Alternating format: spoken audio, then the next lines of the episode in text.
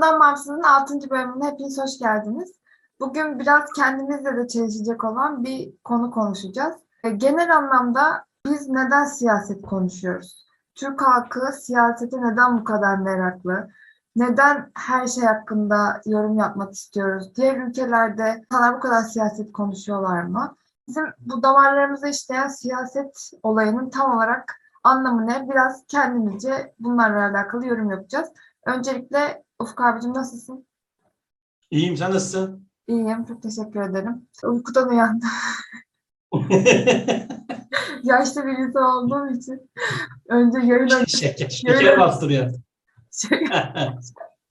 Dediğim gibi bugün siyasetten biraz bahsedeceğiz. Yani aslında şöyle biraz e, ön bir giriş yapmak istiyorum. Kanalda da çoğu zaman hatta yani bu 6. bölümümüz bu zamana kadar hep siyaset konuştuk. Hep ucundan kıyısından değindik değinmedik vesaire ama hep bir siyasetle temasımız oldu. Bunun nedeni hem ikimizin de biraz siyasete ilgi duyması hem geçmişteki gelen işte siyaset yapmamış olmamız vesaire. Bunlarla alakalıydı. Ama bu aralar yine bana siyasetten konuşmama perileri geldi ki benim Twitter'dan takip edenler çok iyi bilirler. Artık yazmıyorum yani. Her konuda yorum yapmak zorunda hissetmiyorum kendime. Çok böyle belli başlı konularda bir şeyler yazıyorum. Ve bu yayın dışında yani konudan bağımsız videoları dışında normal özel hayatımda da siyaset konuşmuyorum artık. Böyle bir radikal bir karar aldım. Zaten siyaseti bırakmamın sebeplerinden bir tanesi de buydu. Artık buna dayanamamış olmam, dayanamamakta. O yüzden biraz ben bu konuya eğilmek istiyorum. Yani siyaseti seven de konuşuyor, siyaseti sevmeyen de konuşuyor. Bizim bu durumumuz, bizim bu Türk halkının siyasette olan olayı nedir sence abi? Ya şöyle bir konu var. Tabii devlet çok büyük olduğu için Besim Bey'in dediği gibi. devlet çok büyük. Enver Bey diyor ya. Devlet çok büyük olduğu için gündemin tamamını neredeyse devlet belirliyor. Bugün maalesef e, üzücü bir olay yaşanmış. Biraz önce baktım. 16 yaşındaki bir kızımız işte 22 yaşında biriyle evlendirilmiş sanırım ailesinin zoruyla. O da onun boğazını kesmiş. Şimdi herkes adaleti maalesef politikacılardan bekliyor. Adalet sistemine artık güvenmediklerinden mi dersin veyahut da medyaya yansıyan buna benzer olaylarda verilen kararlardan dolayı mı dersin bilmiyorum ama böyle en basit adalet söz konusu olduğu zaman bile çok basit karar verilebilecekken bunun nedeni insanların e, umutsuz olma nedeni tamamen politikayla adaletin, politikayla ekonominin, politikayla e, normal sosyal hayatın iç içe geçmiş olması. Bunun sebebi olarak da yıllardır bir tek kim diyeyim Adnan Menderes, Süleyman Demirel, Turgut Özal dışında tüm politikacıların insanların hayat biçimine müdahale etme sevdasını görüyorum ben. İstedikleri bir insan profili, bir çocuk, bir genç profili var. Hani konuştuk ya ilk bölümü izleyenler hatırlar. Herkes bir baba arıyor. Türk milleti bir baba arıyor diye. Maalesef bu son 20 20 demeyeyim de o son 15 senede iyice şekillendi artık. Yani aslında bazı yasakların eee kabulüyle birlikte diyeyim. Sarı inek hikayesi vardır. Bilmiyorum bilir misiniz sarı ineği?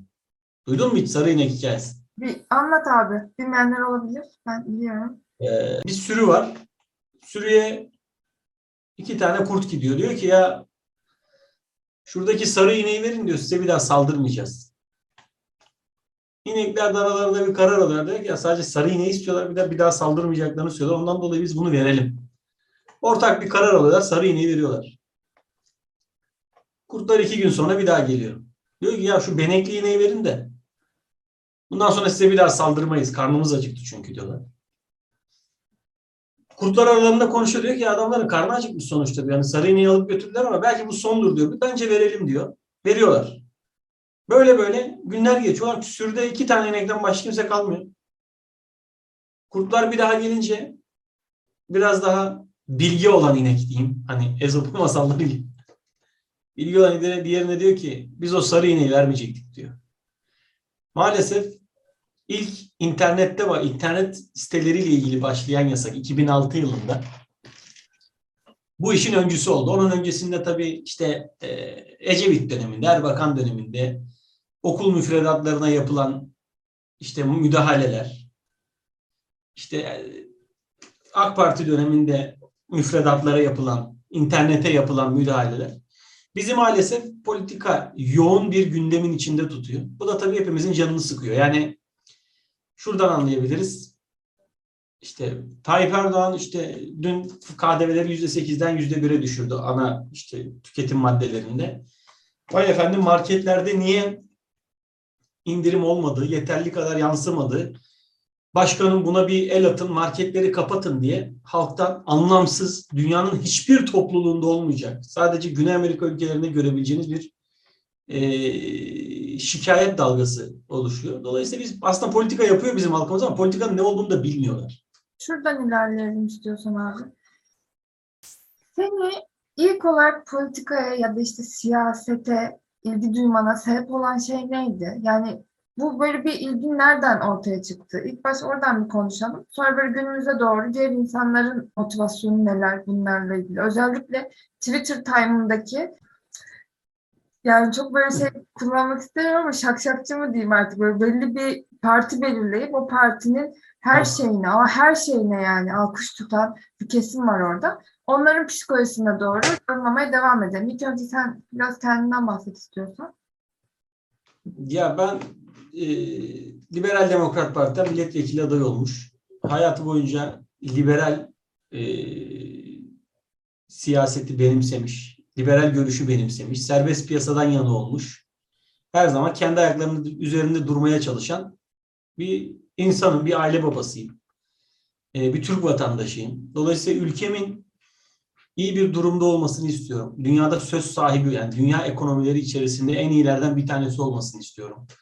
Hiçbir Türk çocuğu e, dünyadaki diğer akranlarından, diğer yaşıtlarından geri kalmasın istiyorum. Dolayısıyla bununla ilgili de fikirlerim var. Edindiğim tecrübelerden, gezdiğim yerlerden, tanıdığım insanlardan, iş hayatımdan, sosyal çevremden edindiğim tecrübeleri e, ülkemin gelişmesi için bir şekilde e, benden bir gün yararlanılır. Hani benim bilgilerimden de yararlanılır, tecrübelerimden yararlanılır diye politika yaptım bir dönem işte. Siyaset, milletvekili aday olduk. iki defa oldum ben. E, siyasete girme şeyim bu. Bir de buradaki seçim sisteminin yanlışlığıydı aslında bizi buraya getiren. Çünkü ortada bir kör dövüşü var. Yani herkes herkesin ne yaptığını biliyor bir partiden milletvekili adayı olmak için belli bir meblağ para yatırmanız lazım. Ve milletvekili maaşına bakıyorsun onu oradan çıkartmak mümkün değil. Dolayısıyla ortada dağıtılacak bir rant var. Ve bunun böyle sürdürülemez olduğunu ve bunu Türk halkının kanını emdiğini emdiğine inandığım bir sistemin içinde yürüdüğü için bunu düzeltmek uğruna bir şeyler yapabilir miyim tek başıma veyahut da bir partiyle birlikte ki senle birlikte de Deva Partisi'ne gittik. Deva Partisi'nden de öyle bir ümidimiz vardı. Umudumuz vardı. Birkaç parti daha gezdik. Ne oldu Ee, sonra? bir- ya anlattım aslında da e, ikinci bölümünü anlatmıştım sanırım. E, orada iyi insanları kullanarak bir şekilde parti bir yerlerde tutunursa işte çeşmenin başına hemen geçecek adamlar var. Ben de o, o tarz insanlar açıkçası o tarz insanların olduğu partilerde o tarz insanların değer gördüğü partilerde bir şeyler yapmaktan yana değilim. Çünkü kendimi enayi gibi hissederim her şeyden evvel. Dolayısıyla sözümüze kıymet verilen, düşüncelerimize kıymet verilen, bizim düşüncelerine kıymet verdiğimiz insanlarla politika yapmak daha doğru geliyordu. Bundan 8 ay öncesine kadar. 8 ay önce Emrah Safa Gürkan'ın bir videosunda ben zihinsel olarak 2 sene önce bu ülkeden göç ettim. Dolayısıyla bana hani bu ülkenin gündemiyle ilgili bir şey sormayın dediği bir videoya denk geldim. Ve o gün ben de dedim ki ben zihinsel olarak buradan göçmeye başlıyorum. Tahmin ediyorum ki göç süren bir 6 ay alır. Son 3 aydır açıkçası pek hani yazsam da çizsem de vesaire çok kafama takmıyorum. O göç gerçekleşti yani senin için. Gerçekleşmek üzere. Zihinsel olarak. Fiziksel Ya, olarak gerçekleşmesi için biraz elimizi taşın altına koymamız lazım. O şimdi mümkün değil. Yani her siyasete e, ilgi duyan ya da içinde değişim tutkusu barındıran diyeyim ben. Çünkü beni siyasete çeken şey buydu. Yani gündemi takip etmek dışında siyasette uzaktan e, yakından bir alakam olmadığı zamanlar öyle öyle bir değişim tutkusuyla aslında hani girdim ve Deva Partisi de bunun için iyi bir yer olacağını zannettim vesaire. Bende de son senin gibi belki de yani 7-8 aydır e, böyle bir zaten boş vermiştik. E, niye yapıyorum? Yani böyle bir sorgulama içine girdim. Çünkü ülkede tek başına değiştirebileceğiniz şeyler var mıdır? Elbette ki vardır. Ama gerçekten tek başına yaparak da bazı şeylerin değişmeyeceğini bir yerden sonra kabul etmek gerekiyor. Bu asla umutsuzluktan bahsetmiyorum ben. Ee, yalnızca ben kendimi değiştiriyorum, ben kendimi yeniliyorum vesaire ama e, başkaları kendini yenilemedikten sonra, ortak bir paydada biz buluşamadıktan sonra iletişimimizin de bir anlamı kalmıyor. Siyasette artık bu düzleme gelmişti benim için. O yüzden elim ayağımı artık çektim. Çok da güzel, rahat bir hayat yaşıyorum gerçekten. Yani bunu böyle şey yapıyorlar bazen. Gamsız olmak ya da işte gamsızlıkla falan suçluyorlar. Siyaseti gündemi takip etmeyince ya da herhangi bir konuda bir açıklama yapmayınca vesaire. Her konuda bir şey söylemek zorunda değilim. Hissetmiyorum. Yani istediğim konuda zaten yazıyorum, konuşuyorum vesaire. Ama yani arkadaşlar her konuda da bir şey demek zorunda değilsiniz. Ya Abi neler görüyorum ya. Yani Twitter denen çöplük. Tam bir çöplük orası. Maalesef. Neler görüyorum yani. Ne yorumlar. Ya herkesin yorumu kendine. Yorumun iyisini kötüsünü tartışmıyorum. Ama belli bir kesim var ki her şeye yorum yapmak zorundaymış gibi hissediyorlar kendilerini. Ya böyle bir misyon edinmişler kendilerini. Ben o arkadaş, Boş vakitleri o arkadaşlara biraz kendilerine zaman ayırmalarını tavsiye ediyorum. Hemen oradan konudan bağımsız Twitter hesabından bundan iki saat önce bir oylama açmıştım. Yani siyasetle ne kadar ilgilisiniz diye. İki saatlik bir oylamaydı ve yüzde yetmiş ve üzeri birinci olarak çıkmış ankette. Özeti gibiyiz. Konudan bağımsız ülkenin özeti gibi. Tabii tabii. Yani şimdi şuradan bağlayalım konuyu istiyorsan abi. Neden böyle? Türkiye'de bu olay neden böyle? Yani diğer ülkelerde böyle mi? Biz sen de gezdin, ben de gezdim. Avrupa ülkelerinin olmasa da eee, çeşitli Abi, dışına çıktım. Ülkeleri ziyaret ettim. Sen de öyle. Sen Avrupa ülkelerini de gezdin. çok basit Neden bir böyle? çözümü şeyi var aslında bunun ya. Yani sosyalleşememek değil. Yani adamın sosyalleşebildiği tek yer şu. 30 saniye video çekiyor, atıyor. Oradan birisi beğeniyor, birisi nefretini kusuyor. Ee, birisi "Ya abi ne kadar enteresan bir şey yapmışsın diyor. Twitter'a düşüyor video, birisi dalga geçiyor. Oradan etkileşim alarak yalan aslında dalga geçiyor ama ben buradan para kazanıyorum. Hadi bunu ben devam ettireyim diyor. Şu tamamen sosyallik üzerine kurulu bir şey oluyor. Şu telefon. Dolayısıyla sosyalliğin kalitesi, yani insanların sosyalleşmesinin kalitesi şu düzeyde kaldığı zaman yapabileceği iki şey var telefonda. Açıyor bakıyor. Twitter özellikle bu konuda çok şeydir. Instagram biraz daha hayal dünyası. Tam bir ütopya. Twitter'da biraz distopik bir yaşam var. Bir açıyorsun adam kadının kafasını kesiyor. Birisi artık haberci mi değil mi misal veriyorum. İşte kadının kafasını kestiler kocasını serbest bıraktılar. Misal veriyorum. Birden psikolojik olarak yıkılıyorsun. Lan ben bu ülkede ne yapıyorum diyorsun. Ondan dolayı insan da tanımıyorlar. Ülkede gezmiyorlar. Ellerinde bir fırsat yok. Yani öyle bir gelir düzeyine de sahip değil insanlar. Yapabilecekleri en ucuz sosyalleşme bu olduğu için kalite de burada kalıyor. Adama soruyorsun diyor ki Almanya halkı bitik durumda. Psikolojik olarak yıkıntı durumda işte. Şöyledir, böyledir. İşte buna pişmanlar, şuna pişman. Ulan oraya gidiyorsun, orada öyle bir durum yok tamam mı? Yani halk, halkta öyle bir problem yok. Halkın konuştuğu şeyler bambaşka. Alım güçleri yüksek. Yani ne bileyim, geçen gün bir şey söyledim yine veryansın ettiler. Dedim ki ya Amerika'daki başlangıç seviyesi yani çalışan bir insanın herhangi bir fast food mağazasında günde 8 saat, 12 saat çalışan bir adamın yaşadığı hayatla buradaki orta düzey bir insanın yaşadığı hayat aynı. Yani oradaki alt kademe oradan başlıyor. Buradaki alt kademe artık yoksulluk. Adam ne diyor? Ben karnımı doyuruyorum diyor. Diğeri de diyor ki ulan doyuruyorsun ama beslenemiyorsun. Yani beslenmekle doyurmak farklı şeyler. Patatesle de doyarsın sadece. Ekmekle de doyarsın. Ama beslenmek bir e, zevk için bir yemek yiyebilmek, doymak için değil, zevk için bir yemek yiyebilmek, İnsan onuruna yakışır bir hayat sürebilmek.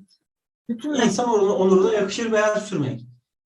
Ülkede 900 bin kişi sanırım, yani geçen sene rakamları bu, yanılıyor da olabilirim ama rakamlar çok yakın birbirine. Koskoca memlekette sadece 900 bin adam Suudi Arabistan, Gürcistan ve Kıbrıs dışında bir yerlere gitmiş. Dolayısıyla böyle bir veri içler acısı bir durumu sergiliyor. Yani ülkenin yüzde birinden bahsediyoruz. Ülkenin yüzde onunun sadece pasaportu var. Burada da rakamlar var zaten açıp bakabilirler. Belki biraz daha yüksektir, yükselmiştir. Geçen sene rakamlarından bahsediyorum. nevi. Dolayısıyla böyle bir ülke içine kapanık yaşamak zorunda. İçine kapanıklığı sever. Her şeyi biz yapalım. Ülkenin üstüne bir perde çekelim. Bütün her şeyi biz üretelim. Kalem Romanya'da bedava mı üretiliyor? Olsun biz daha pahalı üretelim yeter ki bizim olsun kafası. Politikacılarda da görüyoruz bugün. Ee, herkes de görüyoruz. Bunu yadırgamayın. Çünkü adamın gezip gördüğü politikacının bile ülke sayısı sınırlı. Vizyon dar. Öyle bakıyorlar. Bunun sebebi acaba acaba değil. Sebebini ben ekonomik sıkıntı olduğunu düşünüyorum. Yani şöyle bir Türkiye hayal ediyorum. Gerçekten çok gelişmiş. Yani bir Amerika, bir Almanya ile bir İtalya ile vesaire yarışabilecek düzeyde ekonomiye sahip. Gelişmiş bir ülke olduğumuzu hayal edelim. 5 saniyede olsa böyle bir hayal edelim. O zaman acaba bu olaylar olur mu diye zaman zaman düşünüyorum. Yani bu kadar siyasete ilgi olur muydu? Bu kadar partide üye sayısı, ya bu partideki üye sayıları vesaire bana çok çok komik geliyor ya. Çok komik rakamlar yani gerçekten. Şimdi düşününce e, yüz binler Sovyetler Birliği gibi. yüz, yüz binlerden bahsediyoruz. Yani böyle saçma bir sistemin olmuş olması bile bana çok garip geliyor. En başından beri garip geliyor. İşte ya o öyle bir Türkiye'de acaba böyle şeyler olur muydu diye hayal ediyorum. Ya bir yandan diyorum ki olmaz ya. Yani herkes ekonomik durumu iyi, istediği her şeyi yapıyor. Daha da rahatlardık gibime geliyor. Bir yandan da e, Türkiye'nin ve Türk halkının o genetiğinde taşıdığı tam olarak adlandıramadığım siyasetle alakalı, politikayla alakalı böyle bir bir hevesi var. O hala devam edermiş gibime geliyor.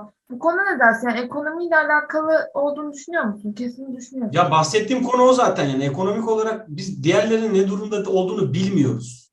Dolayısıyla medyayı ele geçiren medyayı ele geçiren halka istediğini söyletebilir. Bunu biz bugünkü Türkiye'de yaşıyoruz. Yani adam evine sadece patates, soğan alabiliyor. izleyebildiği televizyon kanalları var bir tek. Ya televizyon kanallarını birisi de kontrol altına aldığı zaman bekle ki o adam YouTube'u keşfetsin de YouTube'a girsin de birilerini dinlesin bir şeyler bir, bilgi elde etsin yani. O bilgiye de inanır mı inanmaz mı o da meşhur. Tamamen propagandaya maruz kalıyor. Tıpkı 1930'ların Almanya'sı gibi. Bu tamamen ekonomik. Biz 1985 yılında yanlış hatırlamıyorsam yani 80 de olabilir. Güney Kore'den daha iyi durumdaydık. Güney Kore yüz ölçümü, yüz ölçümü olarak bizim onda birimiz. Nüfus olarak bize yakın. Bizim yüzde yetmişimiz kadar bir nüfusu var. E adamların geldiği yer belli. Yeraltı kaynakları konusunda sınırlı bir memleket. Ama tamamen ya ben götümü onun için yırtıyorum burada. Hani devleti Daron Acemoğlu'nun kitabında bahsettiği gibi sınırlandırarak insanları siyasetten uzaklaştırıyorlar ve ekonomi iyileşiyor. Devlet sadece bir yönlendirme görevi görüyor. Mesela diyor ki devlet, kardeşim ben mesela şey, otomobil üreteceğim. Değil mi? Bunu Güney Kore yaptığı için söylüyorum. Ülkede tekstilciler var, bilmem neler var. Diyor ki otomobil üretene teşvik veriyorum. Şu bölgede otomobil üretirsen senden vergi almıyorum. İthal ürünlere vergi koyuyorum vesaire. Senin önünü açıyorum. Yeter ki kaliteli üret. Benchmarkingini sağlam yap. Hyundai gidiyor. Almanya şeyden Chevrolet'in aldığı benchmarking'de Güney Kore'de otomobil üretiyor. Belli bir kaliteyi yakalıyorlar. Yakalamak zorunda hissediyorlar kendilerini. Çünkü hem ekonomileri dışı açık hem de sübvanse edilmiş bir girişimci söz konusu. Adam kendini kaliteli yapmaya yapmak zorunda hissediyor ki belli bir yere gelebilsin. Devletin ona verdiği imkanlar aktif bir şekilde kullanılmış olsun. Maksimum fayda sağlanmış olsun. Burada halkın bilinci de çok önemli. Ben her zaman şunu söylüyorum. Bana deli de diyebilirler. Bir ülkede vergilerin nereye gittiğini merak ettiğimiz kadar ülkedeki kredi havuzunun içinden kimlere kredi kullandırıldığını, ne için kredi kullandırıldığını ve bu kredilerin ne kadarının batık, ne kadarının hibe olduğunu ve bunların kimlere verildiğini sorgulamadığımız müddetçe bu konuda ilerlememiz bir hayal. Yani her şey aslında dönüyor dolaşıyor, ekonomiye bağlanıyor. Mesela atıyorum eski muhafazakarlar. Hepimiz yaşıyoruz değil mi? Hepimizin çevresinde o insanlardan var. Eski muhafazakar. Durumu çok kötüymüş. İşte İstanbul'da Güngören'de oturuyormuş. 2002-2008 arası bir şekilde iş tutturmuş, biraz para görmüş, hemen mahalleyi değiştiriyor. Çünkü kendi dini ona diyor ki inandığı din, komşunuz açken, komşusu açken tok yatan bizden değildir diyor. Adam komşusunu doyurmak yerine aç ola aç olmayan insanların oturduğu mahalleye taşınıyor. Biraz daha arabalar değişiyor, çehreler değişiyor, başörtünün markası değişiyor, seccadenin markası değişiyor. Biraz daha zenginleşiyorlar. Bu sefer bebeklere işte bebeğe taşınıyorlar, etilere taşınıyorlar. Biraz daha markalar değişiyor ama para nereye gidiyor abi? Ortada bir vizyon var mı? Yok. Büyük bir ihtimal adam müteahhitlikle uğraşıyor vesaire. Önemli olan paranın dediğim gibi girişimcilere aktarılması ve bir şekilde bunun siyasetten uzak tutulması. Politikacıların burada yapması gereken o. Devleti küçülten adam bu memlekete yani devleti sınırlandıran politikacı bu memlekete en büyük iyiliği yapan insandır. Tıpkı Turgut Özal gibi, Süleyman Demirel gibi. O adamları sevmemizin nedeni o. Adnan Menderes'i biz boşuna sevmiyoruz. Yani üzerinden kaç sene geçti Adnan Bey'in e, ülkeyi yönettiği? 70 sene. Değil mi? 1950-2020. Adamı hala seviyoruz. Çünkü adam bir şekilde bir şeyler yapmaya çalışmış. Ülkenin yüzünü batıya döndürmüş. İşte ülkenin yönünü dışa döndürmüş. Turgut Özal keza öyle. Süleyman Demirel keza öyle. Bugün gelip bakıyoruz her şey devletle iç içe. İnsanlarda para yok. Para belli bir zümrenin elinde toplanıyor. Ekonomik olarak kötü olan halk da ya politika ile evlenecek yani ilgilenecek ya da politika ile ilgilenecek. Başka bir yol yok yani. Adamın sosyalleşmesi tek imkanı orası. Buradan bizi takip eden arkadaşlara, e, ya- yaşı bizden e, küçük olan ya da Time'ında ikimiz de takip ediyoruz. Ortak arkadaşlarımız var, yaşı küçük arkadaşlarımız var. Ve siyasetin içinde tam olarak boğulmuş durumdalar. Hadi siyaset de değil yani Türkiye onları boğuyor, onları da anlıyorum. Ama bu savaşın içerisinde onlara söylemek istediğim bir şey var mı? Abi yani vizyonlarını geniş tutsunlar.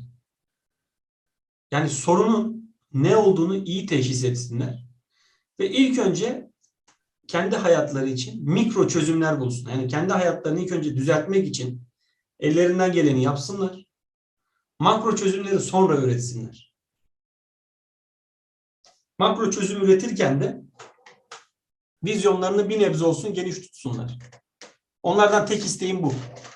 Bol bol insan tanısınlar. Artık internet ucuna Google'a giriyorsun. Bir ton site var. Bambaşka amaçla kullanılan ama dünyanın her yerinden adam tanıyabileceğin. Bu bizim zamanımızda yoktu böyle bir şey. Mektup arkadaşlığı vardı. Hollanda'dan, İngiltere'den adama mektup yazıyordu. 3 ay sonra cevap geliyordu filan yani. Şimdi o bir tık altında. Şu mouse'la basıyorsun, adama bağlanıyorsun işte adama, kadına, kimeyse.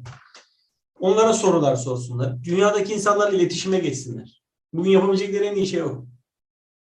Ben de Senin tavsiyen nedir? Ben de çok kısa bir şey söylemek isterim bu konuda. Ee, 29 yaşındayım ve hayat bana da az ya da çok bir şeyler öğretti bu zamana kadar. Öğrendiğim en önemli şeylerden bir tanesi herkes dünyayı değiştirmeye çalışıyor. Bu çok güzel bir şey. Kendince e, yeni şeyler katmak istemek dünyaya, dünyayı değiştirmek istemek çok güzel şeyler. Ama insan kendini bulamadıktan sonra, kendiyle e, iletişimi iyi olmadıktan sonra, kendini tanıyamadıktan, kendinin ne yapmasını istediğini ya da ne yapmasını istemediğini anlayamadıktan, iyi analiz edemedikten sonra bütün o hayaller, bütün o uğraşlar hep boşa çıkıyor. Günün sonunda hep boşa çıkıyor. O yüzden ben ilk olarak yani bir sürü şey söylenebilir tabii ki. Yani biz de böyle bir e, tavsiye şeyi mercisi değiliz yani burada. E, sadece seviyoruz arkadaşları. Time'da görüştüğümüz arkadaşlar var. Onlara hani böyle bir büyük tavsiyesi diyelim. Ben ilk önce kendilerini çok iyi tanımalarını ve bunun için uğraşmalarını istiyorum onlardan. Bu hayatlarına o kadar güzel farkındalıklar yaratacak ki zaten bir yerden sonra ya ben bunu gerçekten istiyor muyum? Yani işte konum siyaset olduğu için söylüyorum. Ben bu siyaseti gerçekten yapmak istiyor muyum? Her gün, her saat bunu konuşmak istiyor muyum? Yoksa ben kendimi tanıyamadığım için mi tamamen can sıkıntısından böyle bir e, nehirde sürüklenir gibi bu siyasetin içine sürükleniyor muyum? Bunu fark etsinler, bunun farkında olsunlar istiyorum. Tabii ki canları eğer canı gönülden siyaset yapmak, siyaset konuşmak, bununla ilgilenmek istiyorsa ki öyle arkadaşlarımız da var içlerinde biliyorum. E, bunu da yapabilirler tabii ki. En doğal hakları. Sonuna kadar da ben ya da sen biliyorum ki destekçileri de olursa. Kadar. İlk önce kendilerini bir tanısınlar. Her şey ondan sonra devam etsinler diyelim. Ya burada şu hayat düsturları olsun. Akıllı insan başkalarının hatasından ders alandır. Yani sonuçta e, işte askerlik yapanlar bilir. Askeriye üç gün önce girmiş adam. Üç gün sonra gelen adama birkaç yol gösterir, adama vakit kazandırır. Adama hayatında kolaylık sağlar. Bu tecrübedir. Biz onlardan bazı insanlardan çok daha önce bu hayata geldik. Bambaşka şeyler gördük bu ülkede. Çünkü ülkede geceler gibi her gün gündem değişiyor. Hani biraz kafasını çalıştıran adam ulan bu adam da bizden bu kadar yıl fazla yaşadı. Mutlaka bir fazla bir şey biliyordur, görmüştür diye gelip küstahlık etmeden sorular sorarlarsa biz elimizden geldiği kadar yardımcı oluyoruz. Çünkü e, e, olmamız da gerekli. Çünkü ben bu çocukları bataklıkta boğulmak yani boğulmak üzere olan e, insanlar olarak görüyorum. Çığlıkları politika yani çünkü sorun orada bunu biliyorlar. Sorunu gidermek için de makro çözümler üretmeleri lazım. Hayatta her şey bir şekilde pahalılaşıyor, zorlaşıyor. Özgürlük alanları kısıtlanıyor. Seslerini çıkartıyorlar. Yaşları küçük olmasına rağmen ben onları tebrik ediyorum. Çoğunu. Çoğu çok akıllı adamlar. Bugün görüyoruz. Biraz önce bir video izledim. Sayın Erkan Baş işsizlikle ilgili bir öneride bulunmuş. Sayın Erkan Baş, o 600 koltuktan bir tanesini boşuna işgal ediyorsunuz. Hani bu videoyu da bu sözü de Twitter'da kesip paylaşmak için koyuyorum, söylüyorum.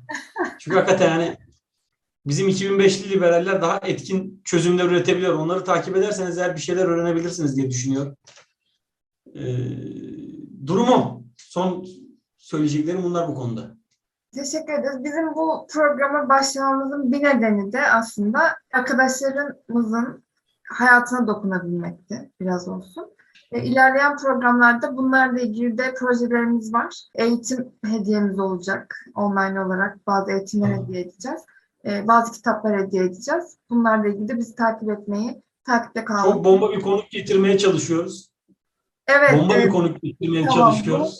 Bir tane hatta madem söyledin abi bunun da artık bir haberini ya inşallah inşallah Mehdi elimizden gelen her şeyi yapıyoruz ama konuk eğer buraya gelirse yer yerinden oynar Çok uğraşıyorum. inşallah. Yani günümün yarısını falan ona veriyorum. İnan elimden geleni yapıyorum. İlkay çok sevinecek. Hatırlattın. Liberal Sohbetler ailesine, Arda Karapınar'a, Kürşat Çetinkoz'a ve İlkay'a buradan öpücüklerimizi yollayalım. ben de öpücük. Benim öpücüğümü kabul ederseniz. Son bölümde bizden de bahsetmişler girişte. Ben bir Liberal Sohbetler hayranı ve Arda Karapınar hayranı olarak e, sevgilerime saygılarımı yolluyorum. Çok teşekkür ediyoruz. Ben de Kürşat Çetin Kozak. Kürşat abi de çok seviyorum. Kürşat Bey, Korona Arda Bey ikimiz de seviyoruz. e, geçmiş Çok geçmiş olsun. de iletiyoruz. İlkay'a da buradan selamlarımızı yolluyoruz. İlkay'a da selamlar. Konudan Bağımsız'ın 6. bölümünün sonuna geldik. Bugün biraz böyle siyasetten ve biraz ironi olarak oldu gibi ama siyaset Ne, ne kadar uzak, ne evet kadar uzak olabilirsin. girsek o kadar uzak kalarak böyle bir konuyu değerlendirdik. Bu arada bu arada 5. bölümde söz verdiğimiz kahvelerin hepsi bizzat kardeşlerimize teslim edilmiştir. Evet. Afiyet olsun hepsine. Fotoğraflarını atacaklar bize ellerine ulaştığımız zaman. Biz de e, Evet. Hem kendimizin reklamını yaparız bu vesileyle. 6. bölümün sonuna geldik. Bizi dinlediğiniz için çok teşekkürler. Hoşçakalın.